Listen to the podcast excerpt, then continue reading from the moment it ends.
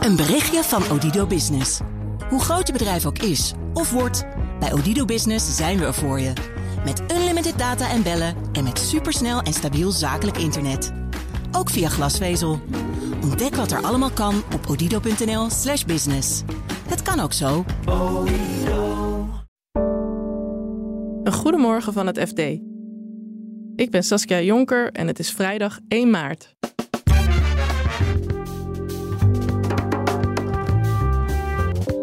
Ondanks de Oekraïne-oorlog verkoopt het Nederlandse Axo Nobel nog volop verf in Rusland. Als je nog steeds boekhoudkundig gekoppeld bent, als er nog steeds marketing-evenementen zijn en je ook nog steeds hetzelfde aantal mensen in dienst hebt in zo'n land, wat is loskoppelen nou eigenlijk? In Groningen worden statushouders gebruikt als oplossing tegen het personeelstekort in de zorg. Uiteindelijk zullen dit hele waardevolle collega's worden. En de Europese AI-belofte Mistral heeft Brussel kwaad gemaakt door met Microsoft in zee te gaan. Waar we eigenlijk Europese kampioenen willen creëren, zie je dat de bedrijven die daar dan eventueel voor een aanmerking zouden kunnen komen, toch in bed gaan liggen met de Amerikanen. Dit is de dagkoers van het FD. Westerse bedrijven trokken hun conclusies na de inval van Rusland in Oekraïne twee jaar geleden. Ze vertrokken, mede door publieke druk, uit Rusland en ze zagen hun omzetten teruglopen. Maar dat geldt niet voor het Nederlandse Axo Nobel. Die verfproducent behaalde afgelopen jaar dezelfde omzet in Rusland als het jaar ervoor, ontdekte industrieredacteur Pien van Engen in het jaarverslag. Ik was aan het kijken naar de cijfers en um, nou ja, je, je hebt het hele jaarverslag heb je ook onderin altijd wat notities staan. En die neem je natuurlijk ook door, want daar staan af en toe hele interessante dingen in. En wat me opviel was dat AXO een melding maakte dat de omzet in Rusland en Oekraïne, maar waarvan het leeuwendeel in Rusland, want in Oekraïne hebben ze helemaal geen productielocaties, constant is gebleven op 2%. En dat is best opvallend, want Axo Nobel heeft na de Russische invasie in Oekraïne aangegeven van wij gaan bepaalde activiteiten afschalen. En we gaan ja, de, de Russische activiteiten loskoppelen van ons bedrijf. En als dan de omzet gelijk blijft, dan vraag je je wel af van wat is er dan precies afgeschaald? Ja, want het idee is dus, was volgens mij dat veel bedrijven vertrokken of uh, toezegden dat te gaan doen, omdat het idee was dat uh, zij anders Russische oorlogskas pekken met de belastingen die ze daar moeten betalen. Waarom is AXO dan niet vertrokken eigenlijk? Heel kort uh, na het begin van de oorlog sprak de Financial Times met de toenmalige topman uh, Thierry van Lanker. En hij gaf eigenlijk aan dat een vertrek van Axo Nobel uit Rusland niet per direct nodig was, omdat de activiteiten sowieso best klein waren, maar zo'n 2% van, van de hele omzet van de verfgigant. maar ook omdat als gevolg van het uitbreken van die oorlog de activiteiten daar überhaupt wel neer zouden gaan. Dus dat omdat er bijvoorbeeld geen grondstoffen meer naar Rusland zouden gaan of omdat rekeningen niet betaald konden worden enzovoort. Dus hij zei, ja, een hard vertrek is niet nodig, want dat gebeurt vanzelf. Nou ja, later bleek dat dat dus niet vanzelf gebeurde, want die omzet bleef ook in 2022 constant. En de, ja, de topman die daarna kwam, Grégoire Pouguillaume, die zei eigenlijk van, nou ja, we gaan ook niet weg uit Rusland, maar we koppelen het allemaal helemaal los. Dus we hebben daar als Axo Nobel eigenlijk niks meer mee te maken. Dit zijn losse activiteiten en daardoor doen we ook niks fout met betrekking tot de sancties die er zijn. Maar toch zitten ze in het jaarverslag. Hoe verklaar jij dat dan? Ze staan los, maar toch niet helemaal. Klopt, daar eh, stond ook iets uh, over in in een notitie. Dat ze eigenlijk het consolideren van de jaarrekening. Dus eh, daarmee bedoelen ze eigenlijk dus dat ze alle activiteiten in alle landen samenbrengen in één jaarrekening. In plaats van op elk continent of in elk land waar ze actief zijn en lossen. Dat ze wel hebben gekeken naar, hebben beoordeeld van uh, moeten we Rusland eruit halen. Maar dat ze op basis van de internationale regels juristische activiteiten nog steeds kunnen consolideren in de algehele jaarrekening. En wat verwacht jij? Gaat dat veranderen in 2024? Of staan wij hier volgend jaar weer dat ze 2% eh, van hun omzet in Rusland halen?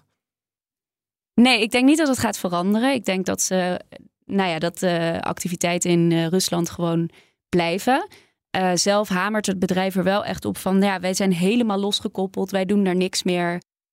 Wij steunen ze niet financieel enzovoort. Maar ja, als je nog steeds boekhoudkundig gekoppeld bent, als er nog steeds marketing-evenementen zijn waarin de Dulux kleur van het jaar eh, wordt gevierd.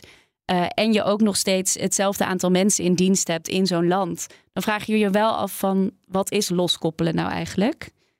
Uh, je ziet overigens ook in het jaarverslag dat alle locaties die ze in Rusland hebben nog steeds voor 100% in handen zijn van AXO en er nog steeds zijn. Maar dat wijt het bedrijf zelf aan de algehele groei van de Russische economie.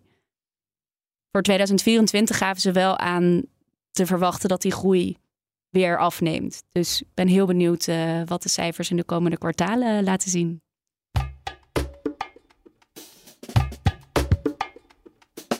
Dat er een personeelstekort in de zorg is, dat is waarschijnlijk niet nieuw. Maar een chirurg in Groningen bedacht een plan om nieuwkomers er aan de bak te krijgen. Arbeidsmarktredacteur Elfanie Toulaar ging langs in het UMC Groningen om te kijken hoe het er na een jaar voor staat. Eerst vertelt ze hoe het plan tot stand kwam. Arthur Wijsmuller, dat is een uh, chirurg in het UMC Groningen. En hij ziet in zijn ziekenhuis dat er een groot tekort is aan verpleegkundigen. Nou, twee jaar geleden of zo kwam de gedachte bij hem op van... hé, hey, we hebben hier een heleboel vluchtelingen in ons land en andere nieuwkomers. Een aantal daarvan heeft een zorgachtergrond, maar blijkt uit berichtgeving, die komen heel moeilijk weer hier aan de bak in de zorg omdat hun diploma's niet meer geldig zijn of omdat hun ervaring net iets anders is. En hij heeft toen een traject eigenlijk bedacht om nieuwkomers, zoals hij ze noemt, dus niet alleen statushouders, maar ook andere mensen die naar Nederland zijn gekomen, hier aan het werk te helpen in de zorg, te beginnen in het UMC Groningen. En jij ging kijken na een jaar? Wat, uh... Ja, nou, niet makkelijk. Het idee is natuurlijk heel simpel en sympathiek van deze mensen zijn hier, wonen hier en die hebben ervaring in de zorg. Maar er komt echt wel veel bij kijken om die mensen hier ook echt hun draai te laten vinden in zo'n Nederlands ziekenhuis. Dat heeft niet per se te maken met vaardigheden, want dat gaat over het algemeen wel goed. Maar het heeft te maken met taal. En het heeft te maken met werkcultuur. Die is in veel andere landen heel anders dan hier in Nederland. En vooral dat laatste kost veel moeite om eh, deze kandidaten, die, deze deelnemers bij te brengen. Ja, want het is bijvoorbeeld een stuk hiërarchischer in het buitenland, kan ik me voorstellen. Ja, in het buitenland eh, zijn ze gewoon meer gewend om te zeggen: hier, dit is je opdracht, volg het op en ga het doen. Terwijl een verpleegkundige in Nederland, die heeft meer een coördinerende functie. Die moet het hele zorgproces van de patiënt begeleiden. Heeft contact met misschien wel een verpleeghuis waar een patiënt straks naartoe gaat. Of uh, met de familie over de verzorging straks, met maatschappelijk werk, met allerlei partijen. En daar moet je dus heel assertief en eigen gereid in zijn. Ja, als je dat niet bent gewend er was bijvoorbeeld een voorbeeld uit Pakistan. Daar heb je helemaal geen verpleeghuis. Daar gaat de patiënt nadat hij ziek is geweest gewoon naar de familie. En toedeledoki, succes ermee. Maar hier dus wel. Dus je moet leren welke partijen er zijn, waar een patiënt naartoe gaat en hoe je die verder na de ingreep nog, eh, welke begeleiding die nog nodig heeft en hoe je die daarbij helpt. Ja, het is dus een ingewikkeld proces. Maar denk je dat er iets in zit voor de lange termijn? Kan het ook in andere sectoren of in meer ziekenhuizen? Ja, want ik, ik klink nu best wel kritisch, maar toch alle betrokkenen zijn nog steeds heel enthousiast. Ze zeggen er is meer maatwerk nodig. Sommige mensen hebben meer tijd nodig, meer begeleiding. Maar tegelijkertijd worden deze collega's ook geroemd om de input die zij brengen. Ze nemen veel werk uit handen. Uiteindelijk zullen dit hele waardevolle collega's worden. En, zei een hoofdwerkkundige, het zijn ook gewoon over het algemeen natuurlijk hele leuke mensen. Dus ze zijn er wel blij mee, hoeveel moeite het ook kost. Er is veel interesse, ook van andere ziekenhuizen, vooral in het noorden van het land nu. In een aantal gaan er ook later dit jaar nieuwkomers aan de slag. En het komende half jaar, dus tussen maart en september, wordt er gekeken wat dit project nodig heeft om verder te ontwikkelen, zodat het in andere ziekenhuizen ook geïmplementeerd kan worden. Want afgelopen juni was er een symposium over dit onderwerp. En daar bleek al, er is heel veel interesse vanuit het hele land. Helpt dit nou echt? Denk je dat dit het personeelstekort in met name dus noordelijke ziekenhuizen gaat oplossen? Nou ja, het wordt gezien als een serieus onderdeel daarvan. Kijk, als je naar de aantallen kijkt, is nu best wel laag. In het UMC Groningen zijn er nu tot nu toe 17 gestart, steeds in groepjes van vijf of zes. Maar als dit traject straks ontwikkeld is en duidelijk is wat er echt voor nodig is om deze mensen aan de slag te krijgen in de zorg, ja, dan kan dit naast de andere zij-instromers en naast de gewone HBO- of MBOV-studenten een serieuze extra poot worden om medewerkers vanuit aan te trekken. Het Franse AI-bedrijf Mistral kondigde deze week een deal aan met het Amerikaanse Microsoft. Een grote schok voor Europarlementariërs, want die staat haaks op het doel van een nieuwe Europese AI-wet. Brussel-correspondent Matthijs Schiffers vertelt waar de ophef precies over gaat. Ja, daarvoor is het waarschijnlijk goed om even terug te gaan naar december. Toen werden de slotonderhandelingen uh, gevoerd over de um, fameuze AI-wet. Dat is de eerste wet ter wereld die probeert kunstmatige intelligentie te reguleren. Op een manier waarbij het kan groeien, maar dat de ongewenste uh, neveneffecten daarvan, zoals manipulatie door deepfakes, uh, etnische profilering en noem maar op, dingen die de computers allemaal kunnen, dat moet natuurlijk voorkomen worden.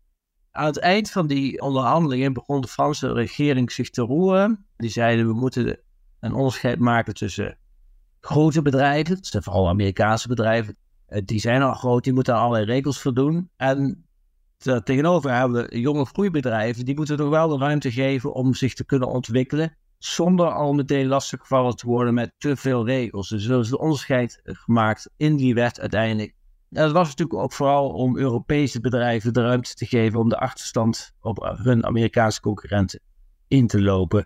En een van de bedrijven die daarvan eh, zou moeten profiteren is dat Mistral AI uit Frankrijk. Franse lobby altijd, vooral voor hun eigen belang natuurlijk, zou een potentiële Europese kampioen kunnen worden. En dan is het vrij cynisch als een paar maanden later dat zelfs Mistral AI in zee gaat met Microsoft dat stevig heeft geïnvesteerd in OpenAI, het bedrijf achter ChatGPT. Dus waar we eigenlijk Europese kampioenen willen creëren, zie je dat de bedrijven die daar dan eventueel voor een aanmerking zouden kunnen komen, toch in bed gaan liggen met de Amerikanen. Ja, en is het idee dat die Amerikanen eigenlijk ook al hebben meegepraat, meegelobbyd over die wet uh, die in december tot stand kwam? Zit daar ook boosheid over? Ja, dat is een punt wat uh, zeker wordt aangestipt. Want de Europarlementariërs die zeggen het is eigenlijk niet voor te stellen dat toen die slotonderhandelingen plaatsvonden over die wet, dat Mistral AI uh, niet toen ook al aan het praten was met Microsoft. Dus zou het niet zo kunnen zijn dat Microsoft Mistral AI heeft gebruikt om de scherpe handjes van die uh, Europese wet af te schaven, om dan vervolgens via die achterdeur van te kunnen gaan profiteren. Dat is allemaal wel vrij speculatief natuurlijk, uh, maar dat is wel de suggestie die hier omheen hangt. Ja, en nu is er dus boosheid, maar gebeurt er eigenlijk ook iets met die boosheid? Wordt daarop gehandeld? Nou, er is dus een groep Europarlementariërs van de Groenen, die hebben een brief gestuurd naar de Europese Commissie en dan opheldering gevraagd, dit onder de aandacht gebracht. De commissie uh, neemt altijd haar tijd om te reageren op dat soort dingen, dus ik moet je heel eerlijk zeggen, ik verwacht daar niet zo heel veel van. Zou het natuurlijk wel kunnen. De Europarlementariërs denken er ook over na om iemand van uh, Mistral AI uit te nodigen naar, uh, om te komen naar Brussel of Straatsburg. En die dan te gaan ondervragen hierover. En op die manier hopen ze dan wat duidelijkheid te krijgen over wat hier nu precies gebeurt. Ja, de deal is dan beklonken met uh, Microsoft, toch? Ja, en het is ook niet verboden. Nee. Maar je probeert zoveel mogelijk eh, transparantie te creëren. En dat is denk ik het doel van uh, de actie op dit moment. En wat denk jij? We willen dus Europese AI-kampioenen creëren. Maar gaat dat nou wel lukken? Nou ja, deze deal is op zich vrij klein hoor. Maar het is ook wel weer een veegteken aan de wand. Dat, dat, dat het Europese Mistral AI dan een, een, een distributiemodel aangaat met, met Microsoft. En dus toch weer dan ja, met die Amerikanen in bed gaat liggen. De dagkoers van het FD. Maandag zijn we er weer met een nieuwe aflevering. Als je je in je podcast-app abonneert op dagkoers, dan krijg je die automatisch binnen. Voor nu een hele fijne dag en graag tot maandag.